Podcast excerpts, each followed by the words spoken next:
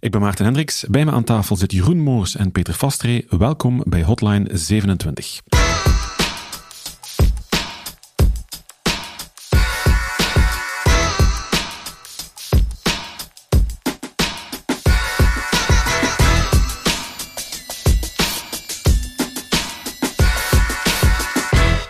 Vandaag gaan we het hebben over support. Volgens mij is support best lastig. Ik denk inderdaad dat dat een uh, zwaar onderschatte job is. Uh, het is een, vaak een combinatie van technische skills hebben, maar ook wel inderdaad, gelijk je aanhaalt, met mensen omgaan. Uh, die people skills voelen van wat is hier eigenlijk echt het probleem, waarmee kan ik die mensen vooruit helpen en hoe zorg ik ervoor dat dat een fijne ervaring is, ook al want vaak contacteren mensen support als er iets fout loopt. Hoe zorg ik dat dat negatief gevoel omgebogen kan worden in iets leuks? Iets, uh... Want er zullen ook af en toe boze en lastige klanten bij zijn, hè? Ja, ik denk dat wij um, heel veel geluk hebben. Geluk, misschien is dat afgedwongen geluk, maar over het algemeen zijn onze klanten redelijk positief als ze ons bellen. Uh, we helpen graag verder en uh, klanten weten dat van ons. Uh, maar af en toe is inderdaad natuurlijk iemand boos, omdat ja, er sommige problemen zijn bijvoorbeeld niet oplosbaar. Hè. Klopt het ook dat jullie klanten ook technisch iets sterker aangelegd zijn dan de klanten die bijvoorbeeld naar, noem maar iets, de klantendienst van Proximus of Telenet bellen? Ja, ja we zijn een bedrijf dat zakelijke diensten aan mensen met technische achtergrond aanbieden. Dus we hebben af en toe wel een klant die wat minder technisch is, maar over het algemeen zijn onze klanten ja, mensen die weten hoe dan de computer werkt. Dus we gaan niet moeten vragen, steek de prijs in. Mm -hmm. dat soort dingen hebben we niet aan de hand. Um, maar ja, oké, okay. ook die mensen zijn soms natuurlijk wel eens teleurgesteld in uh, iets wat echt niet kan. Ik ga niet vragen naar de meest dwaze vraag die je ooit gesteld hebt. We gaan niemand in verlegenheid uh, brengen. dat lijkt me een heel goed idee. We gaan het starten met uh, supportkanalen, want er zijn verschillende manieren om aan support te doen. We zullen beginnen met de klassiekers. Ik zie hier staan telefoon. Dat lijkt me de meest Ja, inderdaad. Ik denk dat liggende. iedereen die aan support denkt of aan klantendienst denkt, die denkt aan een telefoon. -hmm. um, zeker in het verleden was dat het ultieme kanaal om klantendienst te organiseren. Mensen gaan bellen en een vraag stellen. Uh, alleen zien we dat tegenwoordig naast telefoon en e-mail uh, heel sterk ook erbij gekomen is. Um, telefoon is een heel duur kanaal uh, en een heel intensief kanaal om te organiseren. Wat maakt het zo duur? Ja, je moet altijd een maximale bezetting hebben voor het maximum aantal telefoons dat je tegelijk wilt gaan afhandelen. Hè. Um, belt er op een piekmoment heel veel volk, dan moet er voldoende volk op dat moment beschikbaar zijn om al die gesprekken aan te gaan nemen. Mensen verwachten ook vaak onmiddellijk een oplossing, dus de gesprekken duren dan al wat langer. Um, het is heel moeilijk om het werk te plannen. Maar zijn er oplossingen voor om daar iets aan te doen? Ja, uh, er is een oplossing om te berekenen hoeveel volk je nodig hebt. Dat is stap 1. Hè. Er is een soort van Erlang-calculator die uh, kan gaan bepalen hoeveel mensen er nodig om binnen een bepaalde SLA uh, een aantal volume aan calls te kunnen aannemen en uh, op te lossen. Um, het andere wat een oplossing kan zijn, is tegen klanten zeggen van oké, ik heb uw vraag hier wel genoteerd, ik ga die registreren en ik ga die niet onmiddellijk beantwoorden.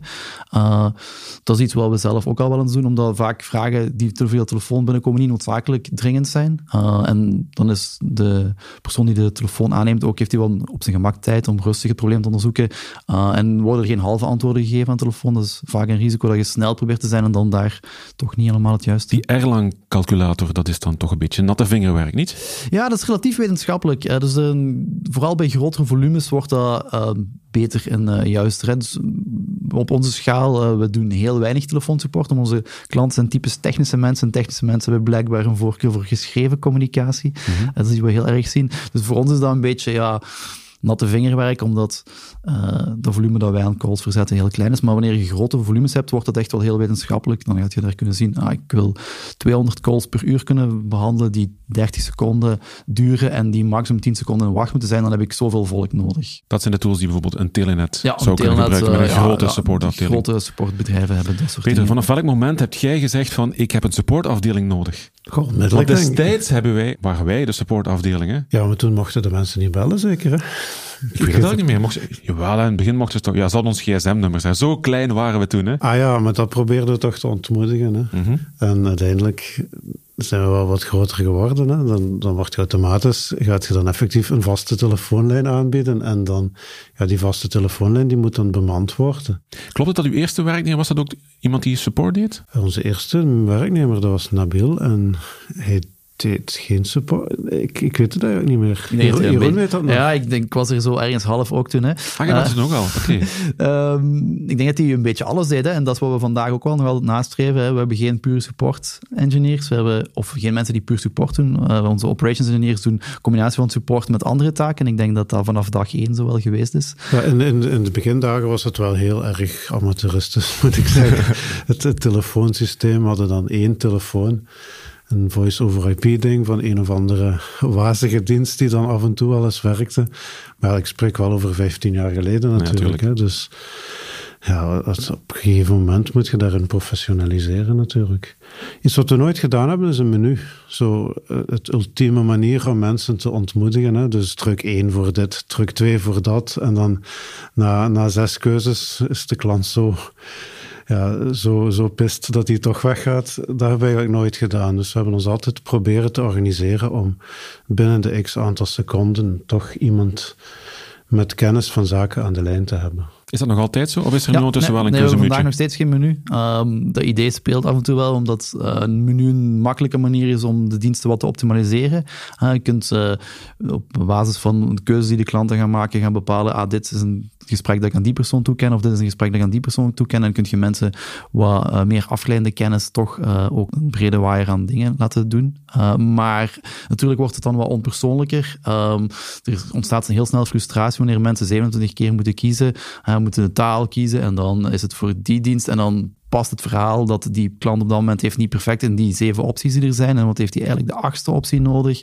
Uh, dus dat is een, afweging die gemaakt moet worden met de nodige uh, voorzichtigheid. Zolang dat we niet aan hele grote volume zitten, is het wel denk ik voor ons de voorkeur om, uh, om gewoon mensen rechtstreeks met iemand persoonlijk in contact te brengen. Is dat dan niet de juiste persoon, dan kunnen we nog altijd doorschakelen naar een andere persoon. Dat is nog, nog altijd iets persoonlijker dan dat je tegen een computer aan het babbelen bent. Voor we aan het opnemen waren, zei je, het, het slechtste wat je kunt doen is uh, dat je ook nog de taal moet kiezen. Daar had je ja. een oplossing voor. Ja, inderdaad. Dat is, dat is, iets wat mij persoonlijk vaak frustreert, is dat je sowieso, wanneer je naar een nummer belt, eerst de taal moet kiezen, terwijl eigenlijk de oplossing heel simpel is. Iedereen heeft een website tegenwoordig in verschillende talen, als die een bedrijf heeft dat verschillende talen ondersteuning biedt. Plaats gewoon op elke versie van die site een ander telefoonnummer, zodat je weet, ah, als iemand naar dit nummer belt, is dat iemand die Nederlands spreekt. En dan kun je die eerste stap sowieso wel skippen. Mm -hmm. E-mail. Ja. Heel veel gebruik, denk ik. E-mail is inderdaad de, de grote klassieker. En je ziet zelfs vaker dat steeds meer bedrijven um, zeggen: we doen geen telefoonsupport meer, we gaan alleen nog maar e-mail support aanbieden. Ik denk dat dat bij ons niet het geval gaat zijn. Ik wanneer iemand echt in paniek is, wil je dat hij kan bellen. Of alleszins op zijn minst dat signaal geven aan klanten van hey, we hebben een telefoonnummer, we zijn bereikbaar. En dat is ook echt wat we zijn. Um, maar in praktijk zien we dat heel veel uh, support via e-mail verloopt. Mensen vinden dat gemakkelijk, kunnen op elk moment van de dag uw vraag lanceren. Uh, en voor ons is dat ook heel gemakkelijk, omdat we ons werk een beetje meer kunnen plannen. We gaan in die e-mails kijken wat de, de dingen die dringend zijn, die gaan we eerst behandelen. Uh, en dan gaan we de andere dingen behandelen. En we proberen dat allemaal op een zeer redelijke termijn te doen, waardoor dat mensen die ons mailen weten van, ah, ik heb eigenlijk vlot een antwoord, ik kan perfect uh, gewoon een mailtje sturen. Wat is jullie doel qua e-mail, qua snelheid van, van antwoorden? We proberen alle e-mails binnen de vier uur een eerste antwoord te geven. En dat lukt? Dat lukt uh, normaal gezien wel, ja. ja. We proberen het soms ook sneller te doen. Hè? Ja, ja dat wil zeggen Sneller is beter. Hè? Ja. Dus ik wil niet zeggen dat iedereen vier ja. uur moet wachten, maar de, de lijn ligt wel op die... Is het aangeraden om bijvoorbeeld een, een automatisch antwoord te sturen naar een klant? Stel, ik heb een vraag, dat ik automatisch een berichtje terugkrijg van uw, uw vraag is ontvangen, of, of is dat iets wat weinig ja, zinvol dat is? Een, dat is een uh, afweging die uh, vaak op tafel komt. Hè. Dus uh, de positieve kant daaraan is dan, oké, okay, ik weet dat mijn mail ontvangen is. Uh, de negatieve kant daaraan is, ik weet dat mijn mail door een systeem ontvangen is en dat er eigenlijk toch niet echt iemand mee bezig is. Dus de, die balans, ja... Ik denk niet dat daar echt een heel wetenschappelijke basis voor is om de een of de andere keuze Mhm. te maken. De nieuwkomers. Volgens mij lijken dat de, meest akelige supportdingen. Want volgens mij kan daar heel veel op heel korte tijd binnenkomen. Ja, ja, inderdaad. Ik heb eigenlijk in, in, dat verhaal, in social media verhaal, eigenlijk twee dingen. Je hebt daar zo de klassiekere dingen die geïntegreerd zijn in, in Facebook bijvoorbeeld, een chatfunctie, uh, waar je via Facebook Messenger met je klanten gaat communiceren.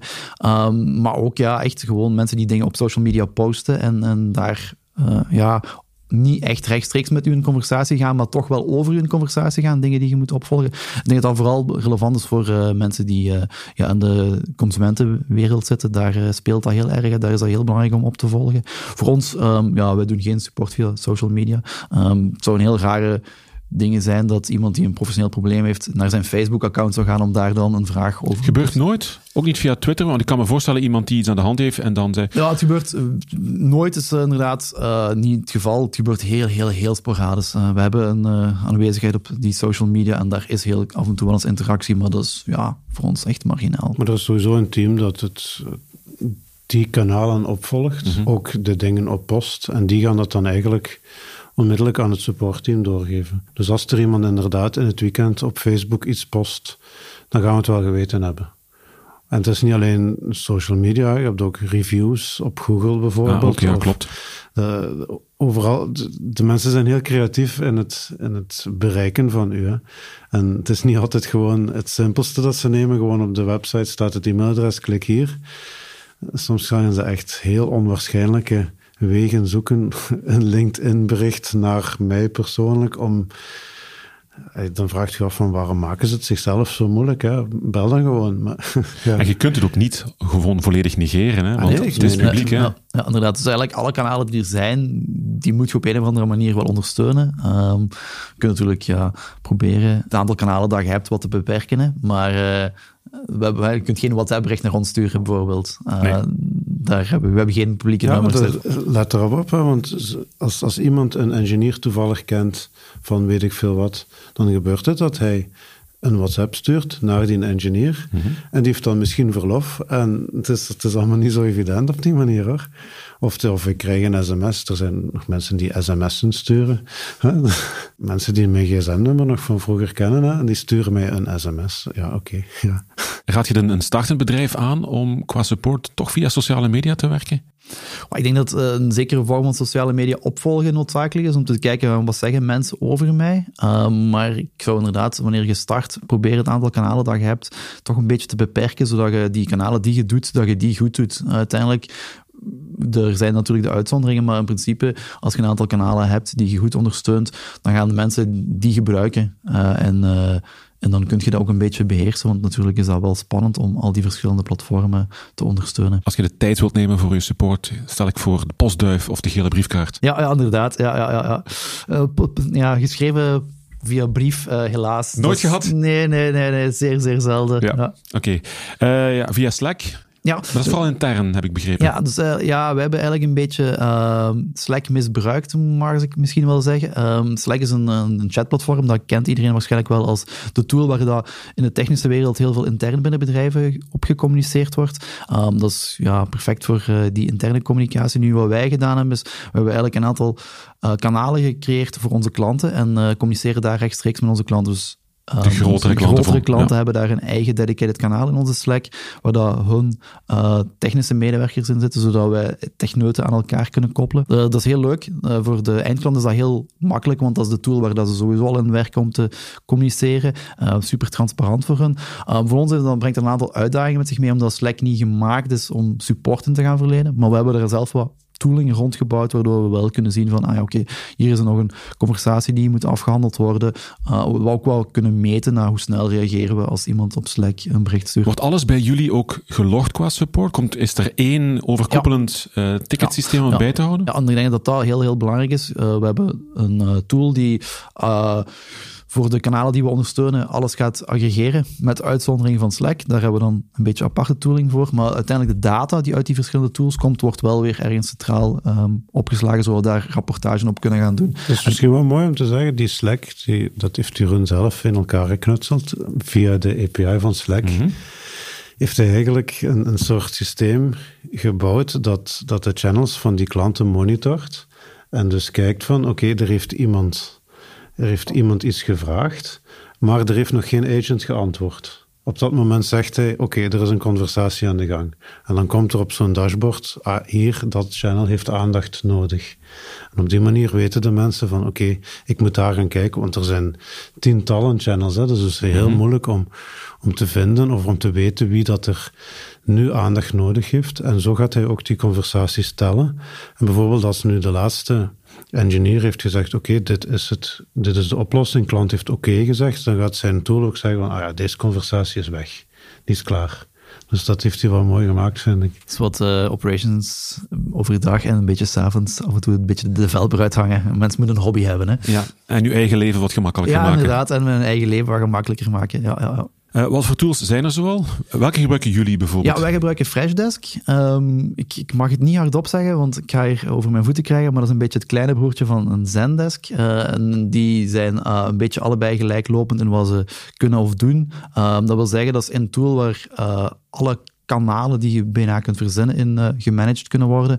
Dat gaat dan van de klassieke dingen, um, telefoon, mail, maar ook social media um, en dat soort dingen. Alles wordt daar netjes Ja, wordt daar gecentraliseerd. Um, tickets kunnen al, aan elkaar gelinkt worden wanneer een klant uh, contact legt via telefoon, maar dan later uh, via mail nog een bericht stuurt. Die, die, die verhalen kunnen aan elkaar gekoppeld worden. Mensen kunnen dan gaan zien van, oké, okay, dit is iemand die nu een mail stuurt, maar die heeft ons drie dagen geleden op uh, Facebook een bericht gestuurd. Zodat ja, je altijd een beetje de context hebt van waarom of was het verhaal van die persoon. maar dat kost wel wat, heb ik begrepen. Ja, inderdaad. die tools zijn zeker niet gratis. En uh, ja, je betaalt een beetje voor hetgene wat je krijgt. Um, misschien is dat bij een Zendesk, betaalt je daar iets meer ook nog de naam mee. Uh, ze waren een van de eerdere die zo het grote aanbod deden, die niet meer alleen puur een, uh, een klassieke e-mail support tool aanboden, maar ook die social media gingen integreren, de mogelijkheid gingen geven om telefoons te integreren. Um, maar vandaag gebruiken wij Freshdesk en dat is dan het, ik mag het niet helemaal zeggen, maar het kleinere broertje, maar dat is een perfecte tool die, die, die voor ons doet wat, uh, wat we daarvan verwachten. Ik denk dat zo'n tool ook wel heel belangrijk is om te gebruiken, omdat uh, dat de enige manier is om dat wat gestructureerd te doen. En je kunt perfect met drie mensen dezelfde mailbox gaan liggen, vroeten en daar mails gaan beantwoorden. Um, tot op een zekere schaal werkt dat, maar er is een verschil tussen werken en uh, natuurlijk een optimale situatie.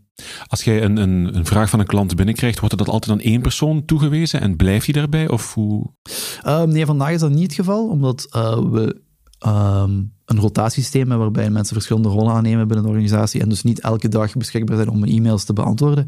Dat, uh, dat wil zeggen dat uh, iemand die vandaag een mail beantwoordt uh, en wanneer dat morgen die mensen opnieuw een vraag stellen, dan gaat iemand anders mogelijk die mail beantwoorden. Um, maar door dat feit dat je die historiek hebt en die context hebt, is die overdracht eigenlijk niet echt een probleem. AI, daar wil ik het ook graag over hebben. Ja. Of daar wil jij het graag over hebben, want het staat kijk, hier netjes in, in de voorbereiding. Ja, ja. ja AI is, is, is ook hier, uh, het wordt ook als het wondermiddel uh, in de markt gezet. Um, chatbots die vanzelf uh, mensen hun supportproblemen gaan oplossen. ik denk dat daar een heel belangrijke bedenking bij is, dat voor hele grote volumes is dat misschien een stukje een oplossing van het verhaal. Uh, je hebt heel veel data nodig om een bot te gaan trainen, om een, uh, een, model te kunnen gaan bouwen dat echte antwoorden kan geven. Voor de meeste bedrijven is dat uh, niet het geval, dat je over die data beschikt, dat je daar iets zinnigs uit kunt halen. maar er zijn wel een aantal dingen die een, een beperkte AI-oplossing kan doen, die wel heel nuttig kan zijn. En dat is bijvoorbeeld automatisch categoriseren van vragen. Hè. dat kan met een relatief kleine dataset redelijk goed werken. zodat je weet van, ja, oké, okay, is een vraag over, voor ons bijvoorbeeld over e-mail dus een vraag over domeinnaam, dus een vraag over hosting. En op die manier kun je die vragen wel een beetje uh, routeren naar mensen die dan specifieke kennis hebben. Een ander ding waar ik ook wel echt in geloof is uh, in sentimentdetectie. Dat is dan gewoon op basis van de tekst gaat een AI-model bepalen, is dit iemand die blij is, is dit iemand die boos is. En dan kun je wel een beetje gaan schakelen van oké, okay, ik zie hier een mail binnenkomen van een klant die boos is, daar moet ik misschien iets sneller op reageren. Of daar moet ik misschien iemand met wat meer uh, menselijke finesse op zetten. Mm -hmm. Dus uh, dat kan wel heel handig zijn. Dat kan nu al? Dat kan nu perfect, ja. Dus staat er dringend met zes uitroeptekentjes achter ja. in hoofdletters in het subject, ja, dan dan weet hij het wel. Dat is er inderdaad wel een al vermoeden. Uh, maar Daar heb je zeker AI voor nodig hoor. Hoe, werken, hoe goed werken die, die chatbots op dit moment al? Want je ziet ze op heel veel websites ja. staan. Ik vermijd ze meestal als de pest. Ja, inderdaad. Heel vaak uh, worden die chatbots gevoed door een, een vak of een andere databron die uh, ooit gebouwd is. En is dat een soort van combinatie van artificiële intelligentie met klongel en gefoefel om dingen op de wereld te krijgen.